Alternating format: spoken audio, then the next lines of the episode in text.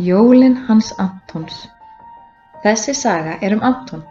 Hann er lítill jólaálfur sem vildi halda sín eigin jól án fjölskyldunar af því að hann vildi ekki deila með öðrum. Hann vildi ekki deila hrísgrunagrautnum, ekki jólatrínu og ekki jólagjöfunum. En heldur þú að það hafi verið góð hugmynd hjá Antoni? 19. desember Anton er enn dapur þegar hann vaknar næsta morgun. En nú á hann nóg af eldi við til að kveikja upp í opninum. Í dag er 19. desember og bara 5 dagar þangað til jólasveitnin sjálfur kemur með pakkana til hans.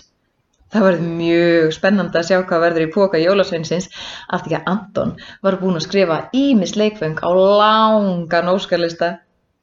Anton tekur sér góðan tíma til að borða morgunmatinn og klæða sig. Vísar gömlu klukkunar á veggnum hreyfast ótrúlega hægt. Hvað á hann nú að gera?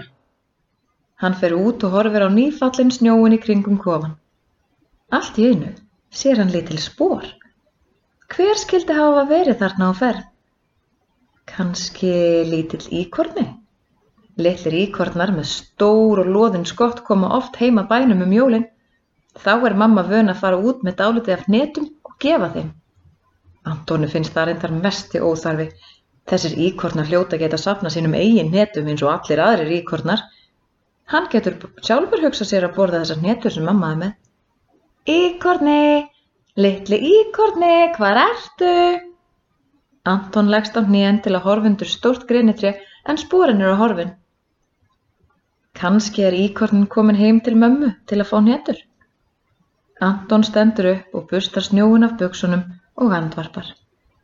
Það hefði nú verið gaman að hafa eitthvað til að tala við núna, jafnvel bara lítinn brúnan íkorna.